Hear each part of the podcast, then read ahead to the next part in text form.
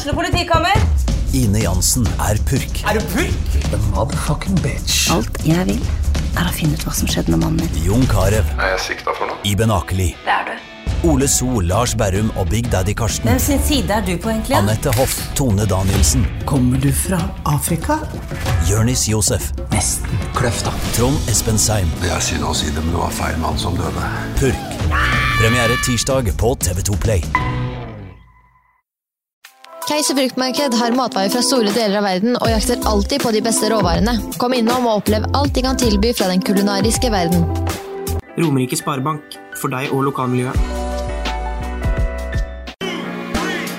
Specsavers Lillestrøm finner du i Storgata 12. LSK sjekker syn hos oss.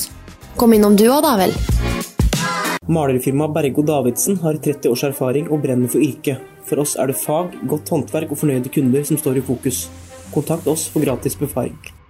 Med lang erfaring og solid kompetanse hjelper vi deg med alt fra små servicejobber til oppussing av bad. Ta kontakt med oss på Skedsmo rørleggerbedrift. Vi bistår deg gjerne.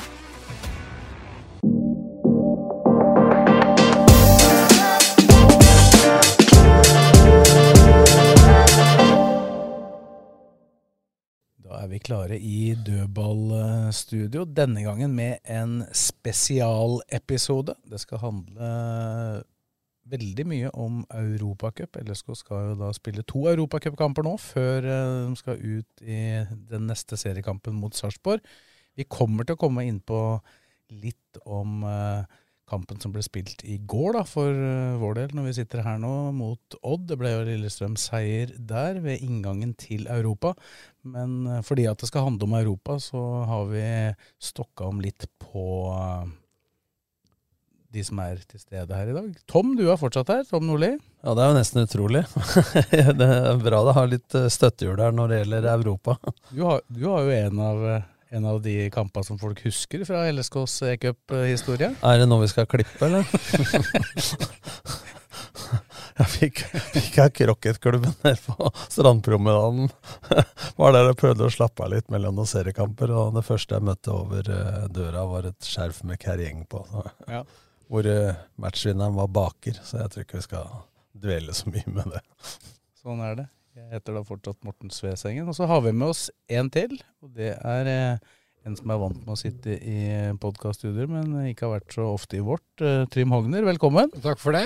Hyggelig, hyggelig å bli invitert, da. Ja. Ja. Du, var, jo med oss når det var eh, trekning av den første kampen i Studio Åråsen. Ja, og, og, og i all ydmykhet så må jeg jo si at jeg syns jeg klarte meg helt ålreit, og, var egentlig ganske fornøyd med egen innsats. Fram til jeg møtte Morten Garlåsen litt seinere samme dag, som fortalte at du egentlig hadde spurt han først. Da ble jeg Da, da, da følte jeg meg fader heller, liksom. Jeg hadde egentlig tenkt å ha med begge. Ja, ok, det var sånn det var, ja. ja. Det var ikke sånn han fremstilte det. Nei. Kanskje jeg skal Så han- begynne, han- kanskje jeg skal begynne å lure på om mange har spurt før meg òg. Ja, ikke sant? Ja, det er ikke, det er ikke sikkert vi er Ja. Sitter så sjuende-åttende valg. Ja, jeg, hadde, jeg hadde egentlig tenkt å ha med han her i dag, ja, men han er på langtur, har jeg skjønt. Ja, han er ehm, Han lever godt. Eh, han er vel på Long Island i noe bryllup, han. Så sånn er hans liv. Men han skal til Finland. Det skal han. Eh, for en gangs skyld så skal han komme og se fugla i Europa. Eh, så han Jeg tror han lander Jeg tror han flyr hjem igjen altså, ja, tirsdag kveld, og så tror jeg han Eller så veit jeg at han skal etter planen være med på det tidligflyet til Helsinki som ganske mange LSK-fans, meg sjæl inkludert, skal på. Er det mange som har bestilt alt her som eh, tenkte Flora? Altså, Hvordan har det Ja, det er, ja, men det er så sjukt, vet du, fordi at uh, altså, jeg, jeg tror Fugla-fans umiddelbart liksom Da det ble klart hvem man kunne møte, bare mista huet helt. Og så begynte, begynte veldig mange å overfavorisere Flora, både fordi man skjønte at det er en klubb som har mer europeisk erfaring, men jeg tror, jeg tror det vel så mye handla om at folk så innmari mye gjerne heller ville til Tallinn, som er en kjempekoselig sånn, sånn middelalderby med masse serveringssteder og sånt noe. Så folk begynte å bestille turer til Tallinn over en lav sko. Og ikke bare til Tallinn. En del har jo bestilt Og det er ganske Hotellet. mange. Ja, ikke bare det, men, men de har ikke engang bestilt til Tallinn. De har bestilt til Riga, altså i Latvia. Og da var tanken deres at de skulle dra fra Riga og så til Tallinn og se Flora Elsko der. Det er over fire timer å kjøre. Nå må de da komme seg fra Riga til Tallinn, fra Tallinn over til Helsinki med ferje antageligvis, som da fort blir tre timer med litt sånn diverse. Og så er det tre timer videre der opp til Seinäjoki minimum. Uh, så som jeg sier til de folka som har bestilt den turen, faen heller, når dere lander i Riga, så er dere lenger unna Seinäjoki enn da dere dro fra Lillestrøm. Helt, det er helt meningsløst, og det er det kjempemange Mye var promillen når den er Nei, gudene veit. Um, men, men det, er, det, er, det, er, nok en utfordring for mange at det er veldig mange som skal uh, fly til Tallinn. Um, er ikke Kristine som pleier å være med oss, er ikke hun en av de som skal til Riga? Men jeg, jo, men hun tror, jeg, hun tror jeg hadde tenkt omvendt. Jeg tror hun flyr til, til Helsinki og så var tanken å bli over i Tallinn, og så Riga. Riga etter kampen. Men hva er den letteste ruta nå, sånn som du skal dra f.eks.? Ja, altså, den, ruta, den ruta som en del av oss drar, er at vi flyr direkte Gardermoen-Helsinki. Eh, men, men, det er ganske mange alternativ. Du kan fly til både Åbu, eller Åbo, heter det, Turku. Ja. Uh, Åbo. Um, og det er også en del uh, Men Hvordan er reisa fra Helsinki eller Turku, eller Åbo? Um, er det fly ja, og derfra? Åbo og Tyrkia er samme by, da. Det ja, det veit jeg, men det var derfor jeg sa jeg, ja, jeg glemte å si slash. um, Helsinki er tog. Mm. Ja. Uh, to timer og 40 minutter til tre timer, litt avhengig av hvilket tog. Det går hele tiden. Så var det snakk om at Kanarifansen skulle sette på en buss. Ja, men jeg tror ikke de gjør det, fordi Nei. toget er såpass enkelt. Uh, Nei, men altså, du har, du har, det, du har den varianten. Og så er det Tampere, flyplassen, kan man også fly til. Man kan kjøre til Umeå og så ta ferje over til uh, Åbo. Det, det, er bare fire timer fra Umeå eller den delen av Sverige. Men det er ni timer å kjøre dit, da.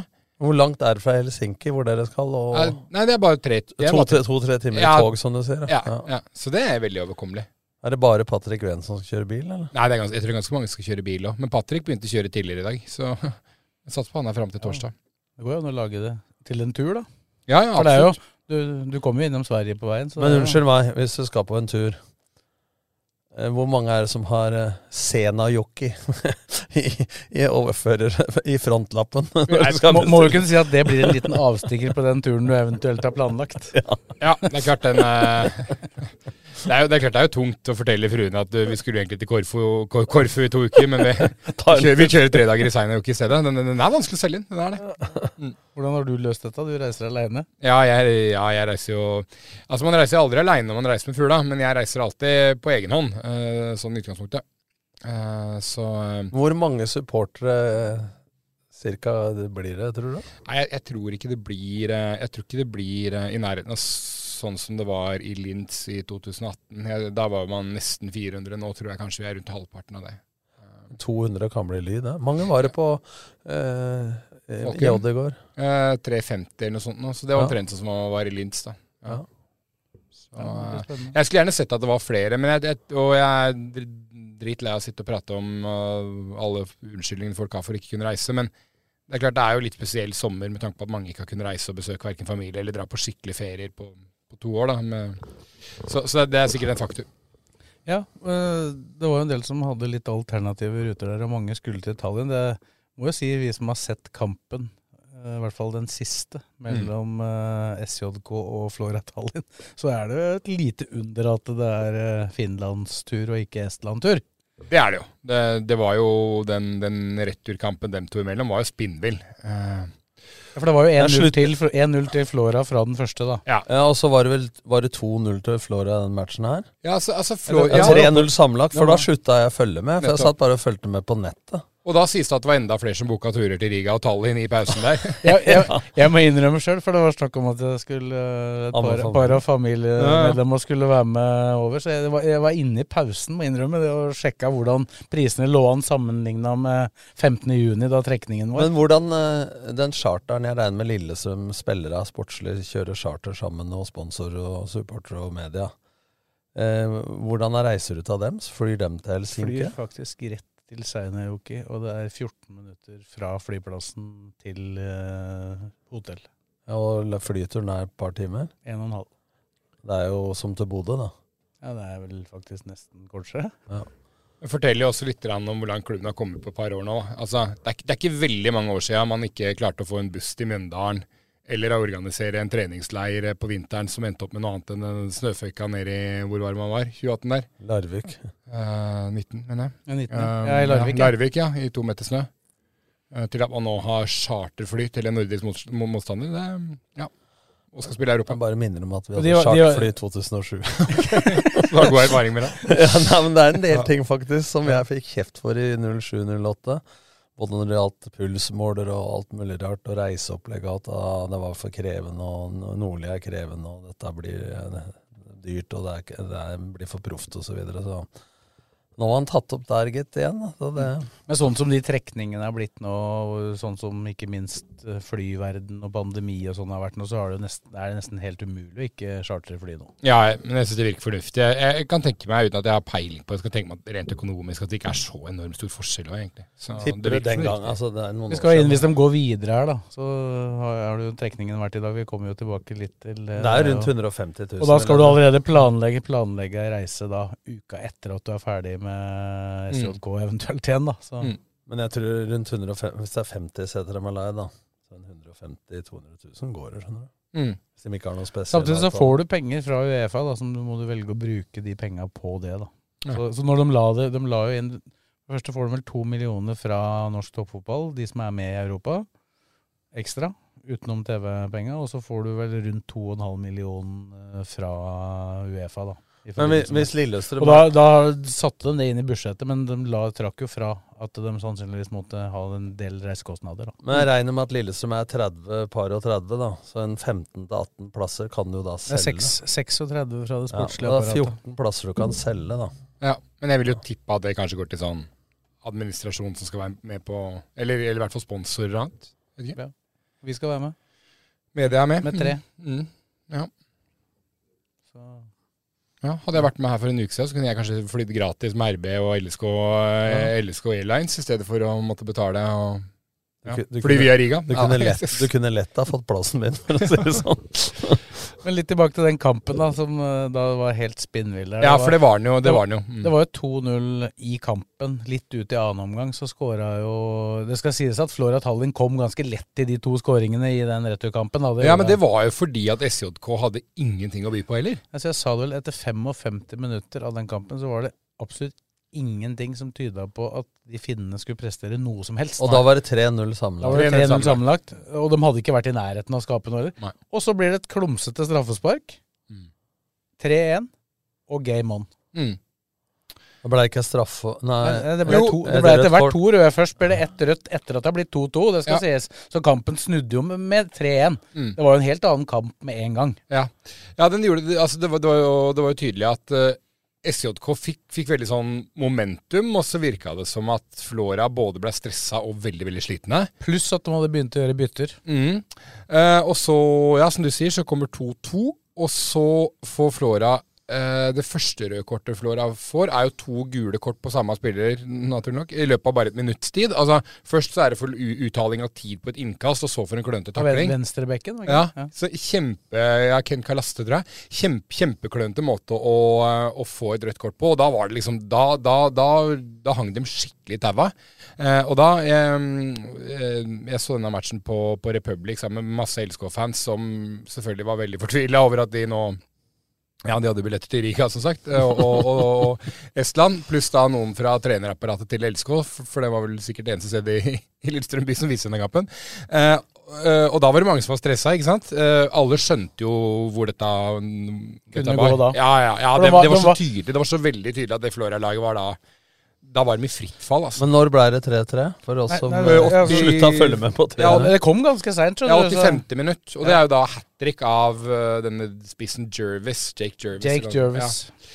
Mannen Eh, som da faktisk har vært i tolv engelske klubber. Ja. Stort sett i League One og League Two, men Ja. to kamper for Birmingham i championship. Ja, det er litt sånn Gary Martin-aktig. Sånn spiller Ah, som sikkert når han har dagen, det akkurat til å si det. Ja, ja. Men 3-3 da, da blir det ekstraomganger? Ja, og så er det ikke bortemålsregel lenger. Uh, og så er det da matchen spilles på kunstgress, og, og Flora spiller vanligvis på gress hjemme, og så henger de helt Så klarer de, da, når klarer de da å dra på seg én utvisning til. Men. Men liten kuriositet, vet når de slutta med bortemålsregelen? Det var nå, det, vel? Etter dommedag. Siste kampen som er spilt med bortemålsregel. det var- det har vært etterpå. nesten i praksis, det. Ja, ja, ja faktisk. Det er ikke så langt unna. Det er fint, Det har gradvis blitt Da har du glid, Ole. Ja, kunne gjerne kunne gjerne gjort det en uke før der. Men Tror du det hadde hjulpet noe da, hvis du hadde fått ekstraomganger? Ja, det tror jeg. Han hadde i hvert fall fått prata med folk. Men uh, Nå sklei vi til høyre her. Ja, Nei, men eh, ja, det, er- det, det, det er tydelig at eh, det å lede 3-0 eller 4-0. 0 det, ja, det, er ikke, det er ingen som er Men det andre røde, det kom i ekstraomgangen. I ekstraomgangene. Og da, da, de skapte ikke det så var veldig kanskje- voldsomt med sjanser, eh, SJK. Nei. Og så var det et langskudd, eller et skudd fra utafor boksen som til slutt går inn. da. Mm. Så blir det 4-2, og da er det umulig. Ja. Det, selv om det skal sies Hvor lenge før slutt var det, da? For dem som ikke har sett kampa. Jeg tenker litt på lytterne her. Ja. Det var i andre ekstraomgang eh, på et eller annet tidspunkt. For da hadde det blitt straffekonk i så fall. Det blitt straffekonk. Og det, det skal sies at Flora Tallinn fikk et frispark utafor boksen eh, Ja, rett stemmer. før slutt med ni mann. Så det er klart de kunne jo Det er jo mulig å score på uansett hvor mange mann du er. Ja, jeg lurer på 113. minutt kom vel 4-2-skåringa. Se her, jeg husker ikke det helt, men uh, Ville Tikkan Tikkan skåra. Ja. Sju, sju minutter før slutt. Mm. Ja, det var da to minutter etter at de hadde fått sitt, at, etter at Flora hadde fått sitt andre rekord. Da. Så. Men de er jo inne i en litt sånn SJK, da, for å holde oss til dem som Ja. er Ja, for det, nå er ikke Flora så interessante lenger. Nei, Så er jo dem inne i en periode nå hvor det har vært mye mål i kampene deres, men de har hatt noen det var jo, De ble nummer tre i Finland i fjor og har hatt en skuffende start på sesongen. Ligger Ja. jo ganske langt ned på tabellen, selv om det er tette og korte avstander opp eh, noen plasser opp på tabellen. Så, så snudde de jo mot laget som ligger nummer to på tabellen. Honka her, eh, det var jo da uka eller helga før de møtte eh, Flora Tallinn i returkampen. Mm. Da snudde de fra 0-2 til 3-2. Mm. Litt lignende kamp antagelig, da. Ja, Og og så, 3-3 og så hadde de en 3-3 i helga nå. Da leda de først, og så kom de under, og så kom de tilbake igjen. Og Ja. så, Men dem som- så visstnok misfornøyd med noe dommergreier. Den som skal til Riga, ta- Riga Tallinn, får ikke med seg seriekampen Flora. Antageligvis. Ta- ta- Det jo- ser. Altså Det er ingenting som har vært mer Kanarifansen enn at en gjeng med fuglafolk satt og Eller stå på tribunene i Tallinn og se Flora mot en eller annen totalt uinteressant motstander i estisk liga. Ja, det vært suverent, det. Altså, det er, Men, men det renner jo inn bakover for dem, da. Det gjør det jo. De, de slipper inn veldig, veldig mye mål. Og så er de da, ja, i disse matchene også skåret en del. da. Ja, og en relativt interessant tropp. da. Jeg vet ikke om jeg telte opp alle nasjonene, men det er, vi snakker vel om en åtte-ni nasjoner utenom finske? Ja, det er ganske sånn, det er ganske sånn eh, eklektisk. Ja. Det er brasilianere og Kol colombianere? Ja, jeg synes jo ja, øh, Han Rojas, det, det er jo en spiller som øh, Han var ikke briljant i den matchen mot, mot Flora, men litt sånn spennende spiller å legge merke til. Og playmaker på 1,64 fra Chile, øh, som, som de lener seg mye på.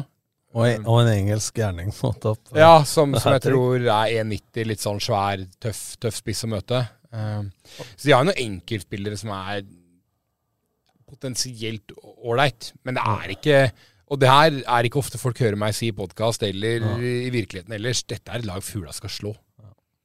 Ja, det er det. Det er det. Jeg, jeg Altså, tror jeg ble spurt om det og da sa jeg at det er litt sånn eh, OK Obos uh, eliteseriebånd. Mm. Altså, Men det er klart, hvis du ser det, da, så Det var jo ikke når LSK var i Obos, eller i fjor i cup og møtte Skeid osv. Det, er- det kan bli leit allikevel, men det er klart de skal vinne. Og så er de ikke så forberedt, eh, vil jeg tro, som de norske lagene, verken på, selv om det har mye analyseverktøy. Men jeg tenker på spillestille og dødballkrafta til Lillestrøm osv.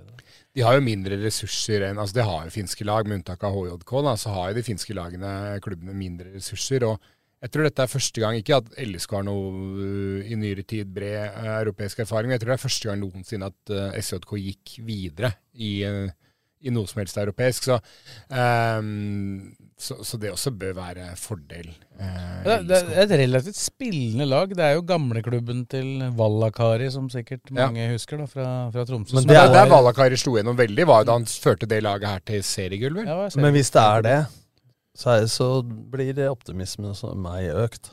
For det er klart at uh, kunstgress, som du sa, da. Men Mm. altså, hvis det er Vallakari fotball, så vil jeg tro Det er en spansk trener, da. Ja, ja, men også hvis Lillesund da Nå har hun pressa i 3-5-2 en stund, men hvis du presser i tre ledd, i hvert fall, da, eh, så kan du få veldig mye gunstige overganger. Altså Hvis det finske laget tar like mye sjanser da i å spille seg ut bakfra som Vallakari var kjent for, i hvert fall. Det var bra, bra trøkk på dem i boksen når de liksom uh kom i gang og fikk momentum i den kampen. Så da var det ligna dem litt på et Mange tilskuere var det der. Det var nesten ingen. Nei, det var ikke mye. De har en kjempefin stadion, eh, med unntak av den har kunstgress, som er ganske ny, eh, og som jeg tror kanskje er plass til 6500-7000. Så den er ikke spesielt stor, men veldig fin, uh, fin arena. Men jeg kan ikke tenke meg at den var noe særlig mer enn en tredjedels full, så la oss si at det var kanskje under 2000 der. Kanskje, ja. kanskje enda litt færre òg. Kan det hende at det er noen som er tilbake fra ferie, og noen flere som har lyst til å gå nå, da? Men et par tusen tilskuere, da, pluss mm. noen Fugla-fans. Det er det som er ramma vi snakker om her. Ja da. Det kom vel noen flere Lillestrøm-supportere enn det var Flora-supportere, for det var vel 11 eller 12? Jeg, jeg så bilde av stadion på Twitter, forresten. Jeg er ja. enig med deg, Trym. Det, så, så ganske det er ganske fin. ny, må ja. være. Ja, ti, ti, år gammel, kanskje ikke den gang. Mm. Så, så, det så, så, veldig bra ut, det. Så jeg så, jeg så jo at de, de, er jo inne det kan jo nevnes, de er jo inne i et relativt tøft kampprogram, for dem spiller også seriekamp imellom disse to europacupkampene. Den serien er jo ikke uvesentlig for dem, selv om de ikke har så lang avstand opp, så vil de vel ikke havne ned i gjørma der. Så de må prioritere. Men de gjorde faktisk en del bytter fra Flora-kampen til eh, den kampen. Jeg bare ja. gikk gjennom lagoppstillingen, så det var fem spillere som uh, starta begge. Og en av dem var jo han uh, Rojas, som du sa. Han, uh, han uh, spilte jo 120 minutter, han, i den e-cup-kampen. Og så var det bare to spillere som ikke, ikke, var inne i løpet av kampen på, på søndag. Det var han som vi vel snakka om i hvert fall før sending her, som het Mehmet Hetemai. Ja. Han 34, 34 år og sikkert, eh, ble sikkert vilt. Ja, jeg tror han har noen landskamper for Finland. Og så har jo bror hans uh, har hatt en stor karriere i bl.a. Serie A, vel. Så Så det er et kjent, kjent navn. Men de er samme seriesystem Finland som Norge, eller? Nei, de, de, har, deler, nei, del, de deler, de deler, og så deler de eh, tabellen i to. Tolv lag der nå, og så deler de det. Og det er det som er utfordringa for SJK nå, er at de ligger jo i De vil være topp seks? Ja, ja så, så, så, lenge de ikke klatrer opp til topp seks, så er de jo da i playoff relegation, så de er nødt til å ta de seriekampene på alvor også. Ja, det er jo bra for Lillestrøm. Jeg tror det er Lahti de har i den kampen. Så vil jeg jo tippe at uh, troppen dem, som du sier, de snakka om ressurser i stad, ikke nødvendigvis er så brei da, som, som Lillestrøm sin. Antageligvis ikke. Mm. Så det Jeg ser på tabellen at det er ikke, faktisk ikke mer enn to poeng opp til, uh, til den sjetteplassen, da, som vil gi uh, Mange runder er igjen før det. Ja. Deles etter 22 runder, og så har de spilt 14. Ja. ja. Nei da, så la oss håpe at de konsentrerer seg mest mulig om hjemlig liga. Da. Men uansett, og, og, igjen, det her er ikke noe jeg ofte melder, men det her er et lag LSK skal slå. Mm. Er det, er det fare på ferde når du melder det? Tre? Ja, normalt sett så er det jo det. Hva uh, meldte du før, Kjærgjeng? uh, ja, jeg, jeg, jeg, meldte vel Jeg friskmeldte vel endelig Fugla etter ti år med, med, med nedadgående før uh, Stjørdalsblink. Uh, 20, 20? Ja, for da, for da, hadde jo åpningen på Obos vært Selv om alle sier at det var en forferdelig åpning, så var jo ikke åpningen egentlig så dårlig. for det var jo to seier og uavgjort borte mot Sandnes Ulf. Ja, det var jo den som virkelig var uh, grusom. Den, uh, det var da det ble en fæl periode med fem kamper uten seier. Ja. Nei, så det, det, pleier ikke å være noe styrketegn, eller det pleier ikke å være noe lovende godt, det. Men, uh, men, men, det er ikke ofte jeg sier at fugla vinner, da. Så la oss, la oss håpe at jeg får rett den gangen her. Du bør få rett. Ja. Så, så, så og, det, og så er det to kamper, da. Jeg også nevnte formasjonen i stad. Bytta litt på med hvis det er litt Wallakar i fotball, så er det fort 3-5-2, 3-4-3. Spilt litt 4-4-2, som dere sa her i stad. Eh, hvis ja, i hvert fall hvis en skal stole på det, så er det litt blanding, da. Ja, så, ja, ja, ja, for det var akkurat det vi prøvde å se litt på andre uh, Eller ja, basert på andre kamper jeg har spilt. Det ser ut som de varierer ganske mye. Men det jeg kjenner til finsk fotball, nå er det lenge siden, men jeg var en del i Finland da jeg trente Odd osv. i gamle dager. Jeg husker vi henta Sami Malio til Odd. Det var jo ja. så Finland A mot Finland eh, U. Og det var altså en gå-fotball fram og tilbake. To, mye mer enn i Sverige. Altså mm. tvers bakover, tvers bakover. Og så sa jeg han spissen der, han kan vi hente, sa jeg. Så sa agenten han har Chelsea kjøpt, og han derre Forskjell, eller hva Mikael Forskjell. og så tok jeg Sami Malio ja, tok Sami Malio til Skien for å se henne ei uke. For du så at det var noe, men det var ganske vanskelig å se. For spillestilen der den gang, da, nå har det utvikla seg litt, da har jeg jo sett med landslag og sånn, men det er ikke i nærheten av så gjennombruddssida framoverretta som norsk fotball. da. Og Nei, og, og allerede um, på den uh, Husker jeg ikke når Malio kom til Odd, men jeg tror 98, på den Ja, uh, Et par år etter det så var jeg også um, Da jeg var veldig ung, så var jeg også en del kamper i Finland. Og, uh, og det, er litt, det er en del likhetstrekk som vi ser frem til i dag, med, med det der med type spillere man henter òg. For det har alltid vært mye sånn brasilianere og, og ja. latinamerikanere og sånt, noe som ikke nødvendigvis er der fordi at det skal gå så veldig fort, men fordi ja. de Ja. Så, så jeg, jeg, jeg, tror ikke det er så langt unna sannheten i dag heller. Jeg så, så, så jeg at det var eh, både en ghaneser og en uh, nigerianer der. Mm. Så, men de tilhørte akademiet, hadde gjort. De hadde kommet fra akademiet, så de var tydeligvis blitt henta ganske tidlig til uh, For de var ikke mer enn 20-21 år. Nei.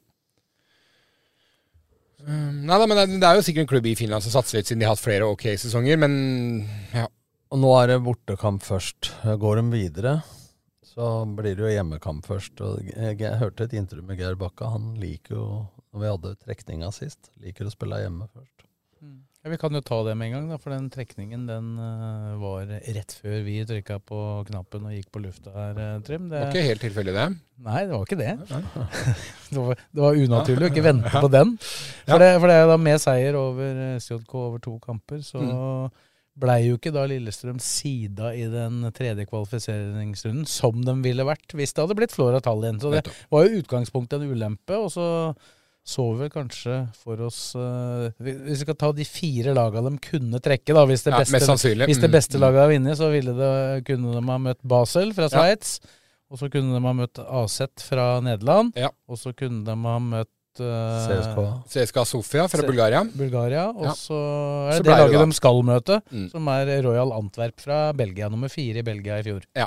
ja det er vinneren av Royal Antwerp og FC Drita. FC Drita, Det er vel det de aller fleste håper på. Men, ja, det er, det er eh, fra Kosovo, ikke sant? Ja, ja. Uh, men det er klart, de er jo helt helt sjanseløse. Uh, men, men, jeg tror mange Fugla-fans hadde syntes det var stas, ja. Uh, uh, det, det, definitivt. Så Det skal ikke mer til. Nei da, det kunne gleda mange, det. Og det, er sikkert mange av de samme. Jeg møtte et par før Odd-kampen i går som hadde fint gått under den kunne reist, Som kunne reist dit? ja, da. ja, da. reist under den navnet der. det er klart at det er nok mange av disse samme som da egentlig hadde bestilt seg hotell i Pick Street i Tallinn, ikke sant, som nordmenn syns er kjempegøy. At den ene gata heter det. PIKK, ja. ja. Ja. Uh, ja, ja. Um, så Nei. Um, altså, det blir jo Antwerp, da. Det sier seg selv. Uh, for, for, min del så er jeg først og fremst veldig glad for at man av de Det var ikke, sånn, det var ikke noe sånn kjempe um, uh, sexy pott med klubber for LSK, fordi at de fleste, kanskje med unntak av det bulgarske laget, da, vil være så store favoritter. Ikke sant, Aset, Antwerp og, og, særlig Basel. Men det å unngå Basel var veldig godt, tror jeg, for mange. fordi Eh, igjen fra supporterperspektiv, det, er en, det er en klubb som er kjempebra, har masse erfaring her. Og så I tillegg så er Sveits vel omtrent det eneste landet i verden som er enda dyrere enn Norge å feriere. ikke sant? Så, så, den ville vært veldig kjip for, for reisende eh, fans. da, Men nå når det blir Antwerpen, så vil jeg jo bare anta at en del Fugla-fans allerede har begynt å booke turer til Riga for å, for å komme, komme, seg, komme, seg, dit. Ja. Omtrent i samme retning. Ja. men, det er jo, men altså, blant de lagene der så er det faktisk to lag som Bodø-Glimt uh, slo og spilte uavgjort uh, mot ja, i uh, da gruppespillet mot Aset og CSKA Nei, gruppespillet mot uh, CSKA Sofia og i, i slutt, sluttspillet med Eller i utslagsrunden med Aset. Aset. Så, mm. så, helt umulig vil man kanskje ikke si at det er, selv om det kanskje var et Bodø-Glimt som er bedre enn det Bodø-Glimt vi ser nå. Ja. Men nå er det viktig, også, selv om det er oppskriftsmessig, da, å slå SJK først. Og så nå, nå, tok du på deg trenerhatten. ja, skal man ta én kamp av gangen, altså? Sier du det? ja. ja. jeg pleier å være den mest optimistiske i det studioet her. Ja, men da, nå har jeg irritert meg, og da blir det mye optimisme på vegne av Fuglo. Kristine pleier å sitte der og, ja. og antimale de luxe. Nei uh, Til og med nervøs mot Eidsvoll IF. Ja, det, Men det går jo egentlig ikke an. Det er, det er, det er jo ikke lov. Ja, Det er altså. diagnose. Altså. Da må, ja, da må jo det en helsesjekk. Altså, det, er jo ikke, det er jo ikke bra. Uh, så, nei, men altså men, og, og, en annen fordel sånn reisemessig en supporterperspektiv her, da, uh, siden det er det pluss optimisme jeg skal bidra med i denne, i denne innspillinga Tenk deg det, at du har invitert ja, ja. med det. uh, det er jo det at, uh, at LSK da får den bortkampen sist, da, som du nevnte. Du sa at Geir Bakke også liker det, men det gjør jo at det også er enklere for supporterne å, å planlegge mm. reiser. Får lengre tid på seg. Mm. Så man slipper da, å dra innom Riga. Det blir jo da eventuelt eh, hjemmekamp to torsdager på rad, da. Ja. Hvis det skulle bli sånn. Ja, for dette er 4. og 11. august som er datoene Dette fortsetter jo fortløpende hver eneste midtuke, det nå helt til uh... Ja da, nå må du nå, nå ble det form. Ja, nå, nå prater jeg om terminlista, Ja, sånn, ikke om. Lillestrøms Har, det- apropos, det har vært en diskusjon rundt uh, billettprisene til disse kampene også. Ja, vi var vel så vidt innom det sist. 340, men så står det at du kan få det Er det for medlemmer, Trym, eller hvordan er dette Ja, 340, det er jo de dyreste billettene, da. Ja, det er en sannhet med modifikasjon, for det er majoriteten av billettene. Så du kan kjøpe deg noe bak badestampen eller uh, sitte liksom bak pølseboden og ikke se noen ting til 250 eller et eller annet. Men 340 kroner er det Robert Lauritz mener at majoriteten av billetter skal koste mot uh, SJK i en kvalikkamp. Det er, det, det er to er, streker under ett det er det samme som i Eliteserien, da. Ja og nei, det er det samme som i Eliteserien, men i Eliteserien så har man jo fordelen at alle de mest lojale uh, Har sesongkort. ha- har sesongkort. Uh, I tillegg så er de jo ofte vel ivrige på å gi bort eh, gratisbilletter eller uh, rabattertbilletter, selv om det har blitt mindre av det med de siste åra, skal sies. Men eh, så 340 kroner er pris man har lagt seg på, altså. Det er stivt. Ja, for det er det som er altså de midterste delene av eh, Ja, men ganske langt ute, og det er ikke sånn altså vi, vi må ikke late som at det er VIP-plasser heller på Åråsen, liksom. Du sitter ikke der og da verken får hvis- tapas uh, før eller etter, eller sitter i noen familie på fire- recliner på, på stadion, liksom. Det er Men en familie på fire, fire, da. Ja, da havner du opp i 1160 kroner da, hvis det er mor, far og to barn. Er er det 1200 kroner Ja, for så å se skal du, Seinøke, da. ja, men så skal du gjøre det 15 ganger i året, da. Men er det, av, er det avhengig av eller Har det noe å si med alderen på unga? Eller at du får det er barnebillett, Ja, eller? Jeg er ikke så, jeg er ikke så god på det her aldersgreiene der. under 16 eller noe. Ja. Så dyrt er det. Ja, det, jeg syns er- det er skammelig dyrt. Jeg, jeg, eh, jeg er jo med i en annen podkast innimellom også som heter Harde mottak, og vi har tenkt å prate mye om det der. For dette er bevisst valg av klubben, sånn som jeg ser det. For de har blitt gjort oppmerksom på at dette syns ikke supporterne er greit, eh, og har valgt å stå i det allikevel. Og det syns jeg er ufint. fordi dette veit man historisk sett, dessverre. Eh, disse kampene trekker ikke så mye tilskuere, de disse her eh, Og man trenger støtte i de matchene. Og så er det utgangspunktet kamper som starter på null tilskuere, da. For det, Ja. det, er, det er ikke solgt en eneste billett på forhånd. Og, og kvalikmatchene, med unntak av når man har kommet dit hen at man møter sånn type Newcastle og sånt nå, så er det ikke veldig mange som kommer og ser LSK mot Selesjnizjnar eller Karjeng, unnskyld Tom, eller liksom uh, uh, Lask og, og sånne ting. Det er ikke så veldig mange som kommer. Og jeg mistenker da at, uh, at, at klubben har visst at de den harde, den kjernen som kommer uansett, de kommer uansett, og da de kommer til å betale det samme hva vi Men jeg tror, gjør. hvis kjernen på Åråsen har vært de siste åra på 4000, så tror jeg fort at det er 2-2,5 det er en sånn Ja. match som dette. Det er, det er Ja. nok riktig. Og jeg tror veldig mange tenker seg om to ganger Og også. en del er jo fortsatt borte òg, sånn at det vil jo Ja. være en del som ikke Men de ikke som er hjemme og er ivrige nok, de har en betalingsvilje som jeg nå mistenker at klubben øh, forsøker å utnytte. Ja, jeg syns også det er uh, dyrt. Altså, sett fra sportslig perspektiv også, så er det bedre å, å få flere folk altså, inn eh, til ja, hvert fall litt fordi at det- rimeligere penger, og, altså- og samme summen totalt sett. Bakteppet er jo nettopp at eh, du har egentlig ingen tilskuere inne før du begynner å selge heller, da. Så det er jo Ja, men samtidig, vi snakker også du, Det er jo viktig å få folk på stadion. Ja, men altså, Hvis du legger det litt politikken i der, da, hvis du ser nå hva som skjer pga. krigen og matvarepriser, strøm og bensin, eh, diesel osv., og, og man ser at det er mange familier som ikke har råd til å sende unga sine eh, i breddeidrett eller noen ting, eh, så, så kan man kanskje tenke litt sånn også, litt sosialiserende på dette her, eh, Trym. At det går an også å, å få folk på stadion. Altså. For man skal også rekruttere supportere som i dag er unge, som skal holde Ja, ja, med LSK. Man skal rekruttere talenter, altså interesse rundt klubben osv. Så, videre. så Mm. jeg syns man har lagt seg på en pris. Og så ble det kanskje et litt sånn brudd med det som har vært litt uh, inntrykket så langt i sesongen, da. For der har det jo vært veldig mye positivitet rundt det klubben har gjort, egentlig. Ja, det har det. Men også er det jo også for, for, for, um, uh, for det som vanligvis er Kanarifeltet. De blir nå flytta til RB, for Uefa tillater jo ikke meningsløst nok stå, stå, ståtribuner. Og da tror jeg da var det prisen 250 eller annet på, på RB på kortsida. Og det er ikke, um, det er ikke spesielt gode, um, gode billetter, altså. Så det Nei. Det kan bli, Ugreit, tynt, det kan bli tynt bak målet der, eller? Jeg tror det kan bli tynt bak der. Jeg tror det er veldig mange som, har, som, som kommer til å si at jeg det gidder jeg ikke, det syns jeg ikke er greit. Og det handler ikke om at folk nødvendigvis ikke har råd. Det handler om det prinsipielle, tror jeg. Ja, også, men så kan man si at men det er mange supportere som drar på bortekamper, men man kan ikke sammenligne det. For det er, eh, som du har sagt i harde mottak flere ganger, altså det er å se fugla i Europa er ikke noe Ja, dagligdags. det altså Få seg en tur ut osv. Ja, At du tar 340 for de billettene i serien, det er jo greit, for da er det jo et uh, middel mot det.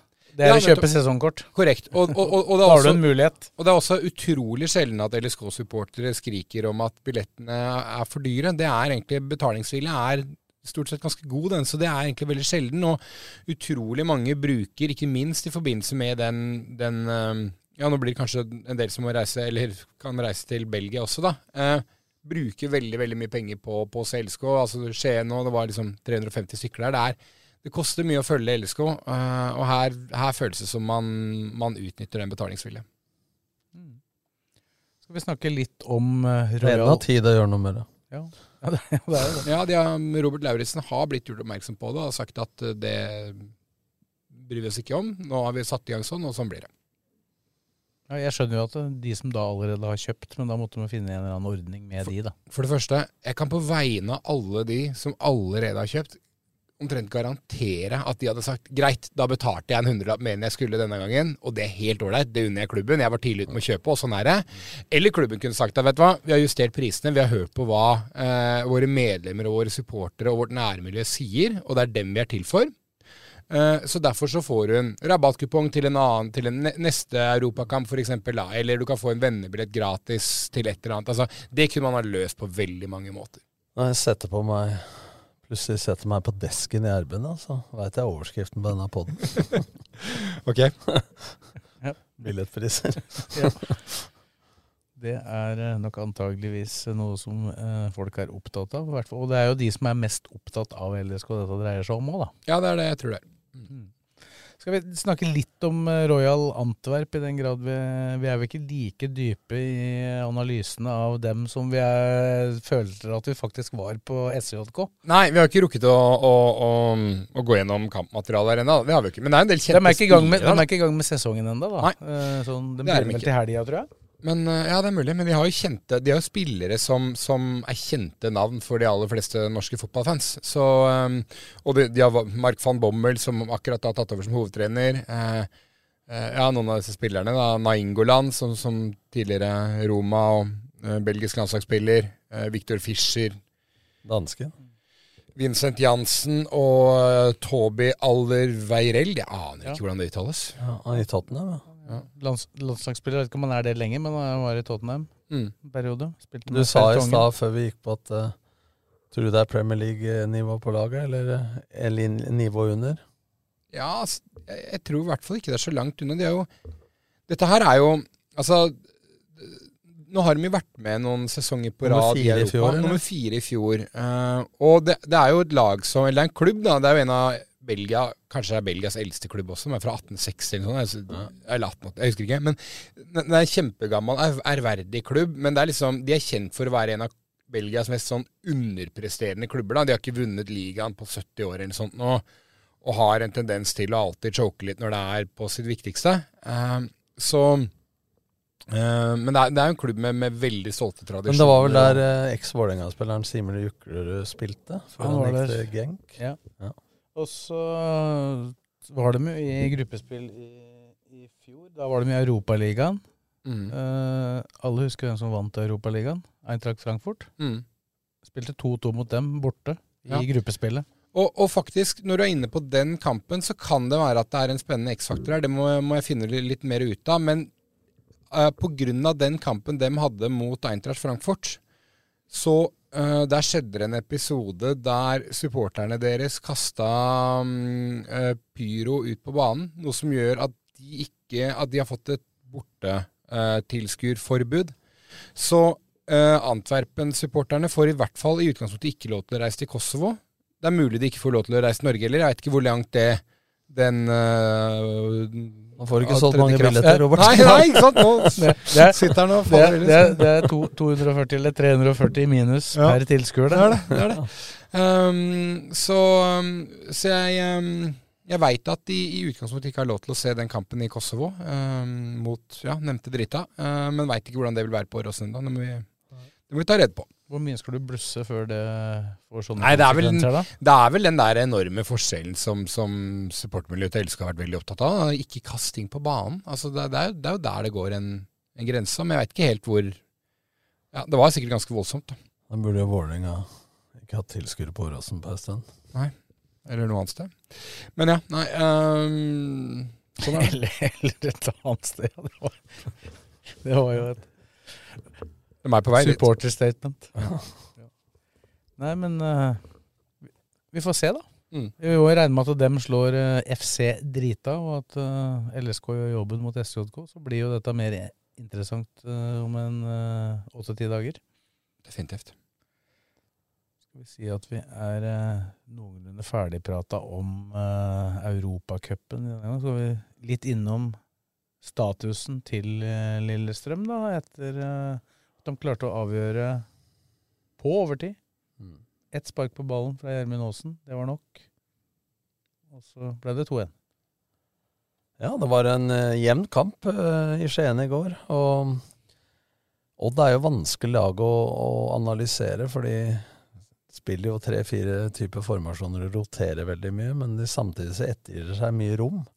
Og det blir synlig eh, etter hvert i kampa. Så første omgang er vel sånn middels, så Odd har ballen mest. Men jeg så på statistikken i pausa der at eh, det var 9-2 i avslutninger, og da ble jeg litt overraska og fire på mål, at Lillestrøm hadde det. Men det var eh, 54-46 i ballbesitter i første omgang. Eh, Ja, for Roma var der jo allerede Ja. i første omgang. men Lillestrøm vant ballen mye gunstig, eh, både halvhøyt og lavt. Men det var veldig upresis i første, andre og tredje pasning etter de vinner ballen, og fikk ikke utnytta kontringene.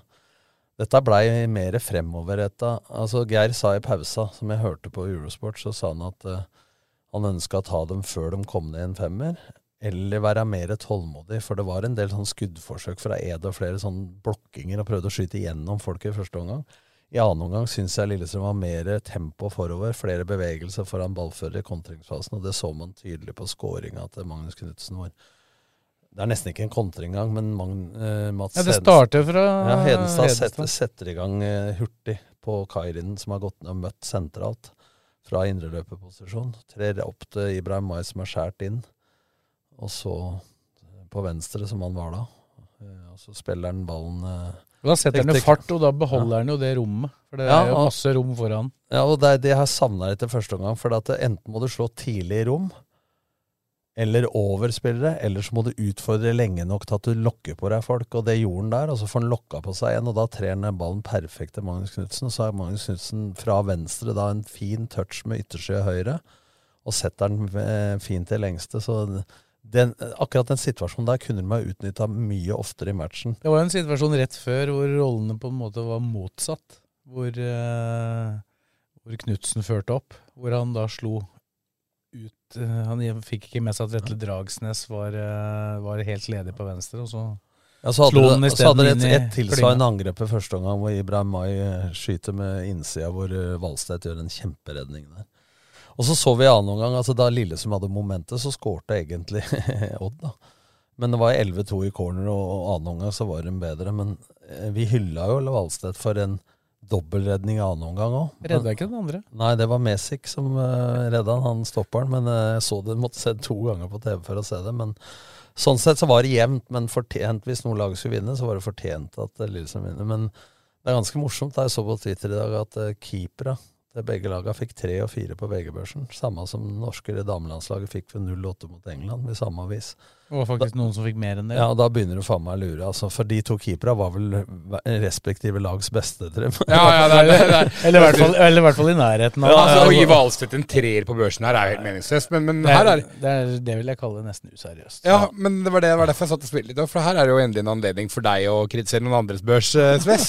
det, er jo, det er jo lite vi får mer juling for. Jeg, eh, jeg, jeg kåra da Leopold Hvalstedt, da riktignok med tanke på at han hadde redda den uh, Ja, som vi ja. da Ja, men- så at Mesik blokkerte, uh, til banens beste. Ja, han ble kåra det av den lokale juryen er, hvem er det? Thea, eller hvem er det som Thea og Varden, eh, begge Sammen, to. ja, ikke sant? Så- men, så- men de ligger ofte Altså, jeg har jo Han mente da at han var Odds beste, i hvert fall. Ja, men altså dem Men jeg ser jo snittmessig at de ligger en par karakterer høyere enn en RB, stort sett. i Ok. odd, Så der er mer, litt for bra, syns jeg. da Syns det er mer balansert eh, her, skal jeg være ærlig. Men uh, den VG, det var eh, nesten sånn at det var morsomt, tragikomisk eller useriøst. Inne i en litt det. dårlig børsperiode, VG nå. Du får mye tynn Ja, den siste faktisk, uka her. Faktisk. Uh, velfortjent tyn i så fall. Da, Men når du eh, får tre poeng, og så omtrent er matchavgjørende det Skal med andre ha én og to, da? Resten av laget? Ja, nei, nei. Nei, det Men jeg syns han, han virker jævlig bra. Sånn ja. Eh, Spenstig og ja. fin. Det som er, det er mulig han kunne håndtert den siste skåringa på en annen måte. ja, det, er er påstår, ja, det er noen som påstår at han burde tatt den uh, i fast istedenfor å gi corner. Ja, på den første, ja. Altså Nei, når det blir corner, ja. Ja, ja som blir Ja. seiersmålet. Men, men det er jo Odd kløner jo veldig til for seg der i måten dem stresser den til det som gjør det corneren også. For det begynner jo med et dårlig kast fra Odd. Ja. Ikke sant? Så, så um, uh, de, de kunne holdt, beholdt roen litt bedre der òg. Fr- Frid Johnsen hadde jo ikke så mange viktige berøringer av ball inne i boksen der, men det er han som forstyrrer Valseth til å slå den til corner, og det er han som sørger for at Røsler får plass til å heade Eh, Men- hedde den fram til Petterson. Da. Men det var litt så artig på, på, eh, på tribunen der, for det uh, idet man ser at Gjermund Aasen skal innpå i det 90, 90. minutt så sånn, Hva i helvete skal han utrette nå?! For det er jo null, det er jo null tid. Men eh, Og særlig når han bare la til to minutter. Ja, nettopp. Det var bare, og det var ikke noen grunn til å legge til noe Ja, særlig han kom inn på over 91, altså. Ja, et, ja, ikke sant. Nettopp. Ett minutt i første gang og to minutter i andre. Jeg kan ikke huske sist jeg så en eliteseriekamp med så lite tilleggstid, men, men det var egentlig jeg, jeg tror egentlig det var greit òg. ja, det var det jeg skulle si. Tror jeg egentlig det var greit. Men selv om denne gangen så gikk det jo Ja, så, så ble det jo paradis. Men er det ikke, er det ikke litt merkelig, egentlig, å, å bytte inn på en fyr i det 91. Jo, vi sa det jo- minutt når det er to minutter? Altså, Jeg, jeg, jeg, jeg spurte Geir Bakke om det etter kampen, og han sier at uh, han hadde prøvd å få inn Gjermund før, men Gjermund ville ikke. Mm. Han, han hadde nok litt uh, kjenning i det kneet, som han har fått et par-tre smeller i det kneet i forrige uke. Uh, som han egentlig skada litt mot Ålesund i den cupen. Ja, for jeg så flere ganger at han nesten kvia seg for å gå og varme opp og sånn. Vi satt jo rett Ja, overfor. altså han, det, det- det sto nok på Men det blir jo akkurat det samme som Han han- vil jo ikke ta cornera heller, han vil jo være inne i feltet, men det er jo ingen som er bedre til å slå corner enn han. Men jeg måtte le av Bakka da, for han, han fikk det konfrontasjonen i et eller annet medie jeg så. Hva var vitsen med å bytte den inn eh, da og da. Så sa han jo bare at eh, ja, men kan i hvert fall si at eh, nå kan de klappe igjen. Mm.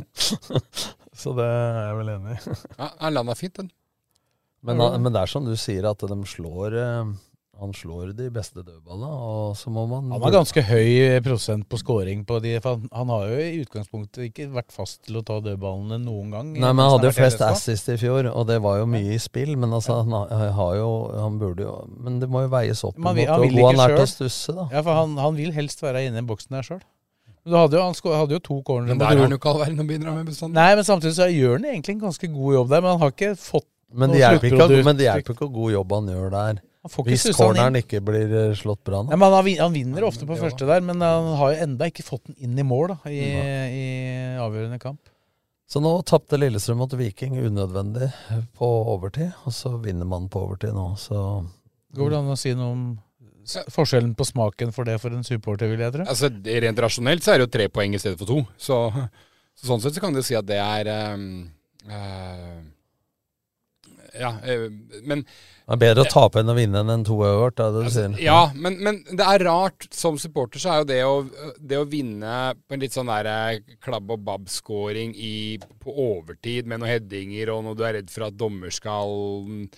Du venter vel egentlig bare ja, på sant, det. Etter, sånt. Det er nesten diggere vet du, enn å vinne fire, fem, seks. Ja, ja. Det er rart mer. Men, Men det det så du på benken òg. Ja. Han bare løp ut. Ja, da, det var det er ekstremt forløsende. Og så føltes det selvfølgelig veldig godt etter den Viking eh, For den er, den er utrolig bitter, den måten man eh, eh, egentlig rører til. Dette tok jo dere i, i, i Svestev etter matchen uh, med, med plasseringer og, og, og sånt. Og måten man slipper inn det målet mot Viking på, er utrolig unødvendig. Så eh, Men det er litt samme tendensen for skåringa til Odd nå også.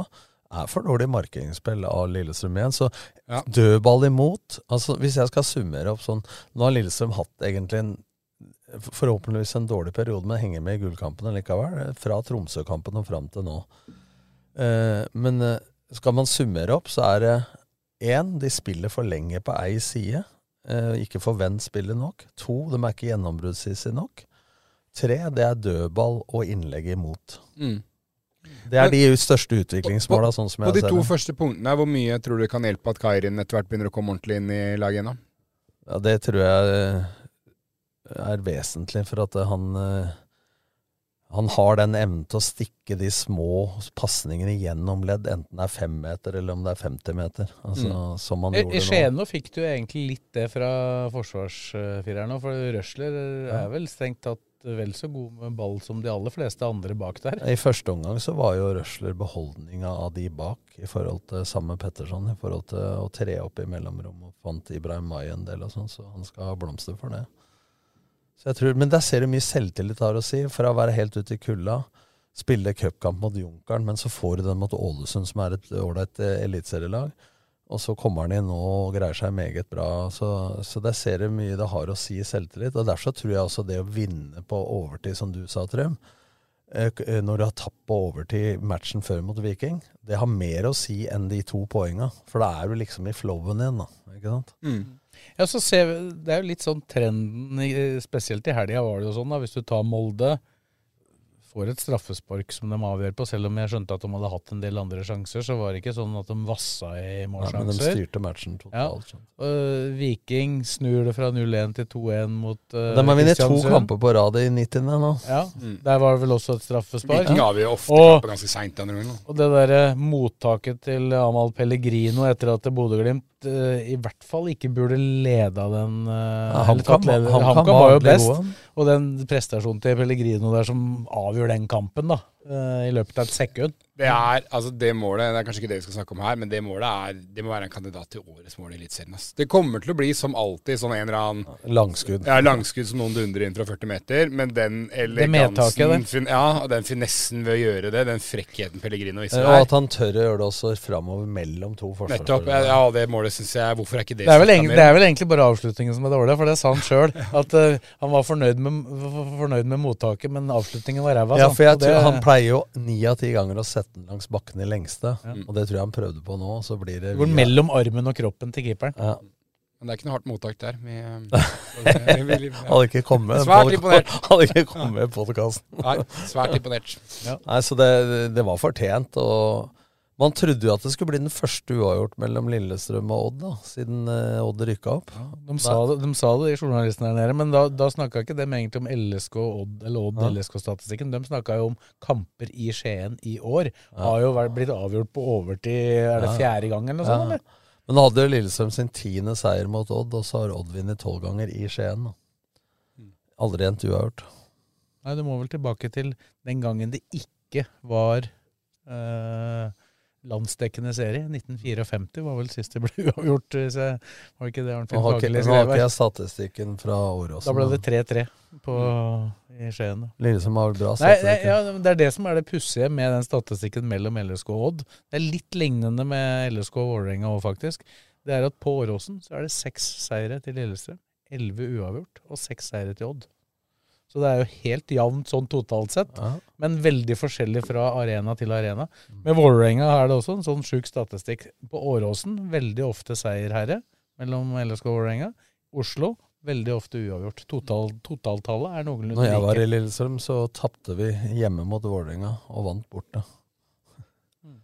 Motsatt.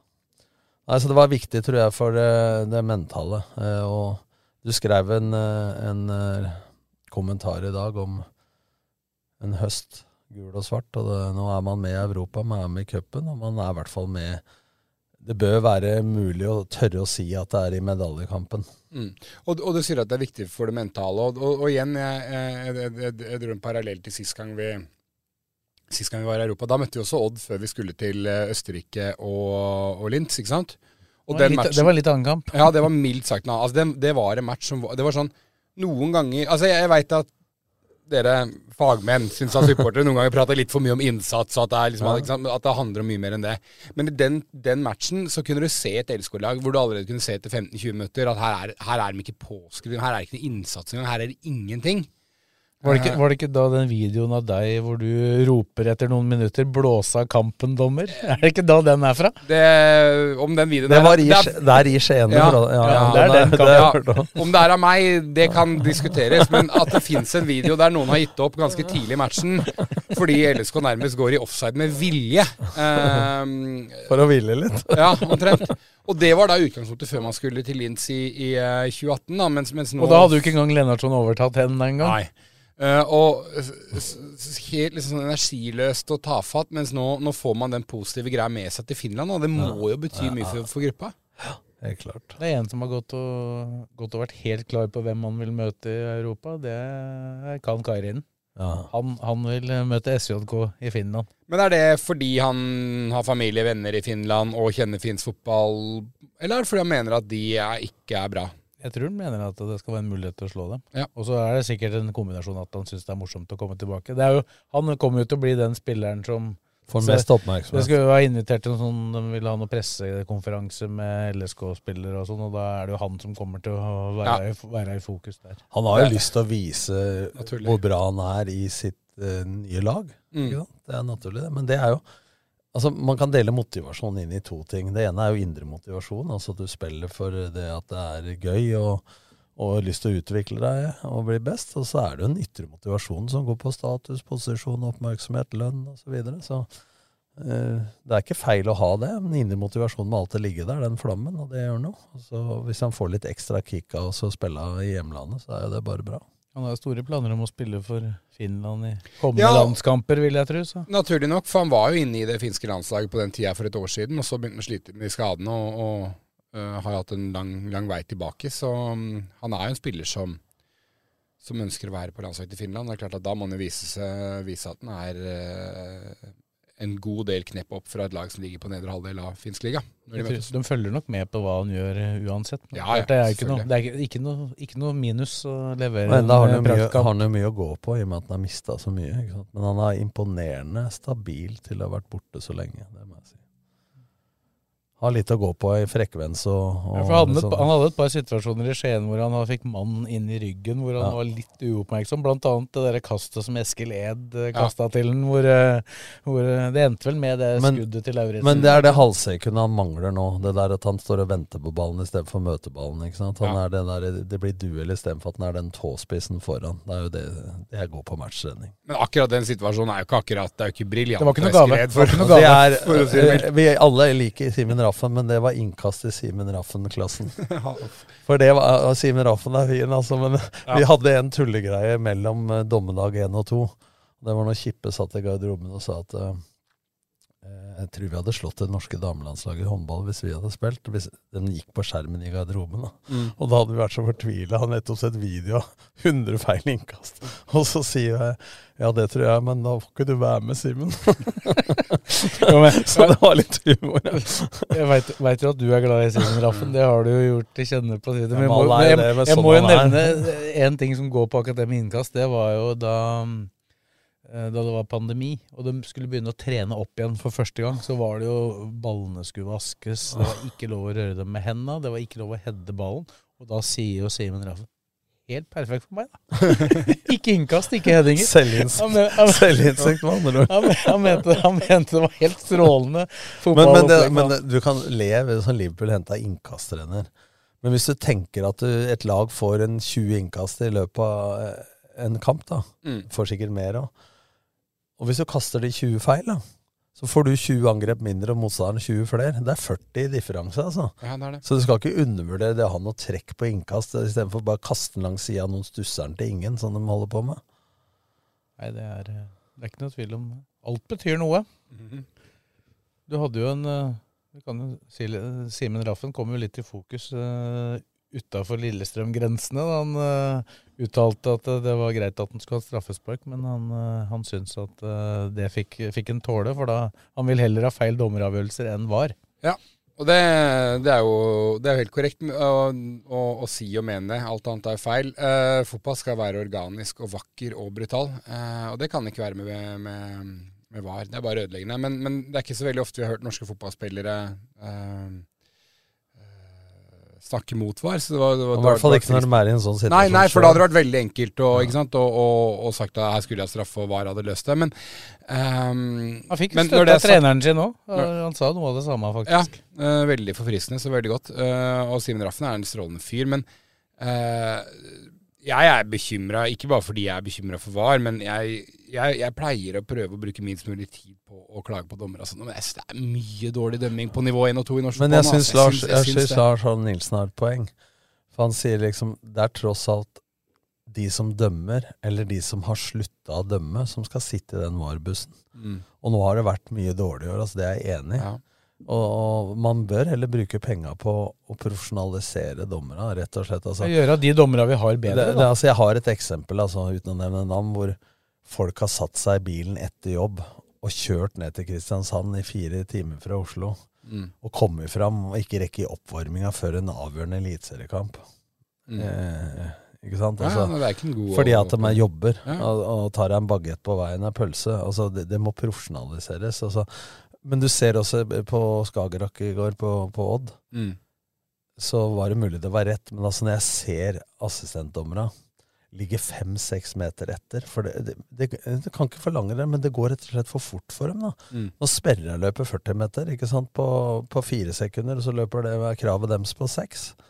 Og har de ikke vett til å ta ut en meter dybde isteden, altså de henger etter. altså Det blir feil du skal ligge på linje, men jeg ville heller tatt en meter sikring, da, dybde, enn å være på etterskudd. Og så Når de spurter ned langs i alt de orker, og skal de titte til sida samtidig. Så, Og der, og der har det jo vært en formidabel utvikling eh, i dommeras disfavør. For fotballen går jo veldig mye fortere enn han gjorde for eh, 5-10-15 år siden. Men en, en, en, en, en topp dommer i Eliteserien, hvor mange eliteseriekamper kan han få dømt i løpet av Jeg er usikker. Hvor mange de får disse? Får de maks halvparten, vel? Jeg vil tippe at de maks, Altså, døm- ah. maks dømmer to av tre kamper. Ja, så La oss si det 15, 16. 15, 15, ja, et sted mellom tipper 15 og de som har mest, kanskje opp mot 20. Ja, og her har vi litt av problemet for at de får 16 000 kroner per sånn match. Og hvis du da har tett opp mot 20 sånne, i tillegg til at du har en heltidsjobb der du tjener ganske bra, og så får du noe oppdrag nede i Saudi-Arabia som NFF syns er helt greit innimellom også, så har du jævlig godt betalt. Hvordan i all verden skulle du få dette opp på en profesjonalisering der de kanskje hadde tjent 650 000 i året istedenfor Ja, en million? det går an hvis, det, det går an hvis du ikke har hele Hvis du ikke har åtte salgssjefer i NFF da, som ikke har noen å være salgssjef for. Ja, du, de må, er bare du, må- du må på en måte betale dem ut av den jobben de har utenom, da. Mm. For jeg veit jo at de fleste som Det er en som utrolig godt betalt deltidsjobb. Det er jo det dette her er. Mm. Men de fleste som dømmer, har jo ikke ser- prioritert yrkeskarrieren sin veldig, da. Nei, men hvis du ser nå på hva vi har brukt i norsk toppfotball da, til at oppgjørsmannen alle skal drive og forske på ting som ikke har fått noe særlig ut av. Det går millioner ut av klubba til det. Jeg tror klubba hadde vært villig til å øremerke noen av sånne type midler eller mediegreier til at eh, vi skal få bedre Ja, altså. ja, og ikke minst, man veit jo da at dette her var dette VAR-prosjektet som skal innføres i norsk fotball, kommer til å koste titalls millioner. Men så Eh, går det også, ja, men så går også på forståelse. Jeg fikk jo sjokk i gamle dager. Eh, når alle dommere for en gangs skyld var samla nede på La Manga da, i gamle dager. Og så fikk vi ikke spille på bane A, for dommera skulle trene. Og det dommera gjør på bane A på La Manga, det var å løpe. Så spør jeg da. ja, hvorfor spiller dere ikke fotball da, når alle dommerne? Så svarte en dommer det går ikke, for da begynner vi bare å slåss. så det koker i huet på dem, for å si det sånn. Men, men eh, det er ikke tvil om at mer dømming, bedre fysikk, altså hurtigere osv., at det har noe å si. Mm. Flere samlinger, mer fagutvikling. Altså det, ja.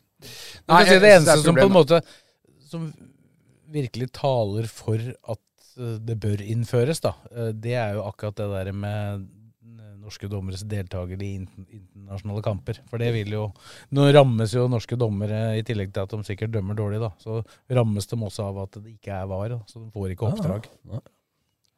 Så det er klart, det er, jo, det, presse, det er vel antageligvis det som er det største middelet for å presse det fram, antageligvis, tipper jeg da. Når du så når jeg så på damehjemmet altså. det tok seks minutter på en offside-avgjørelse. Det går ikke. vet du. Nei. Så det. Men det kommer vel, uansett, Trim? Ja, mm, det, det gjør det jo. Det er jo det som er synd. da, Mennesker er skrudd sammen sånn at de vil heller stå i en dårlig idé enn å eh, innrømme at man har tatt feil. Eh, og VAR har blitt verre enn det de fleste frykta. Hvis man ser på hvordan det faktisk Sånn det var i England. Altså det har vært praksert praktisert litt bedre i mesterskapene, syns jeg, for herrer i hvert fall. Eh, Men sånn som det var i Premier League, var jo helt katastrofe. Det har, fu- funka vesentlig bedre i Champions League enn det har fungert i Premier League, f.eks. Men det, har blitt, det skal sies at det har blitt bedre i Premier League enn det var det første året. var jo helt Texas. Tenk åssen det blir første år i Norge. da. Ja, det er, det er som du sier, det er de samme som skal ta avgjørelsene. eh, Som har den samme bakgrunnen. Men, men vi løser vel ikke det her. Men eh, LSK skal ut i Europa, så får vi se. Det ikke var i kvaliken i Conference League, så vidt jeg veit. Nei, det var i hvert fall ikke det i fjor, så det er vel ikke noe grunn til at det er det Nei, jeg tror ikke det. Det er vel for kostbart, antagelig. Ja. Kan ikke anta at uh, FC Drita har råd til å sette opp en Varbus uh, nede i Kosovo. Men da får vi alle som skal mellomlande i Riga og Tallinn, kommer seg til Senajoki. Og så får vi Kan ta Varbussen til, til, til Tallinn, og så bli med ferja over. Så får uh, Trim og de andre som har vært smarte, kjøre fly til Helsinki. så- Jeg, skal faktisk ikke, jeg tør ikke være for breial på reglene med så mye kanselleringer og greier som er. Så ender det opp med at Riga og Tallinn-gjengen kommer seg til Seinajoki, men mens de skal fly direkte, får noen kansellerte fly. Mens og RB skal kjøre med charter charter, ja. LSK og lander 14 minutter fra kampen. Jeg sa jeg var glad jeg ikke skulle være med, nå begynner jeg å angre. det var så lettvint tur. Ja, det, det var faktisk flere alternativer. Det kunne blitt fra en flyplass litt lenger unna, men det blei visst der til slutt. Ja, da får vi håpe at eh, LSK vinner på torsdag. Så får vi møte opp. var jo eh, dette da en spesialepisode av uh, Dødball, og så er vi vel tilbake med en ordinær episode i neste uke, før returkampen, eh, tipper jeg. Ser litt fram til det. Det skal jo i gang med litt lokalfotball eh, på Jessheim og Eidsvoll igjen nå fra helga. Jeg trodde vi hadde med Blakeren på telefonen nå, at han snart skulle begynne å prate her. At han, eh, men det er kanskje, det er kanskje breddepausen, det. ja. Ja, det er bredde. Ja, det er- det er derfor han har vært så stille, ja. Bla, bla, Blaker, inn i maskinen Blaker har kun ni uker ferie. Det eneste, det eneste som har skjedd, er at strøm, Strømmen har eh, tapt en fotballkamp til i Haugesund. Det er vel det eneste som har skjedd utenom LSKs kamp i Skien. Ja. Så det får, vi, det får vi leve med. Og så kommer vi sterkt tilbake. Og det blir mange sendinger fra Finland sannsynligvis eh, i forkant osv. Og, så og så er vi jo, skal jo vi sende returkampen på Åråsen, Tom. Ja.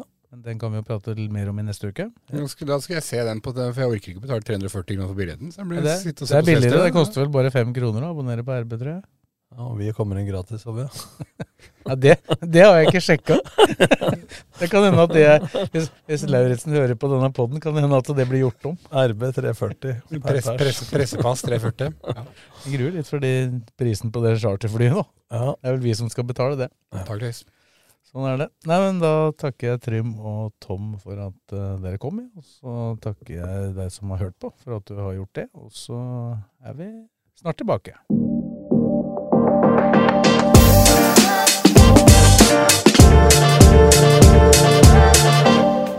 Keiser fruktmarked har matvarer fra store deler av verden og jakter alltid på de beste råvarene. Kom innom og opplev alt de kan tilby fra den kulinariske verden. Romerike Sparebank, for deg og lokalmiljøet. Specsavers Lillestrøm finner du i Storgata 12. LSK sjekker syn hos oss. Kom innom du òg, da vel. Malerfirmaet Bergo Davidsen har 30 års erfaring og brenner for yrket. For oss er det fag, godt håndverk og fornøyde kunder som står i fokus. Kontakt oss for gratis befaring. Med lang erfaring og solid kompetanse hjelper vi deg med alt fra små servicejobber til oppussing av bad. Ta kontakt med oss på Skedsmo rørleggerbedrift. Vi bistår deg gjerne.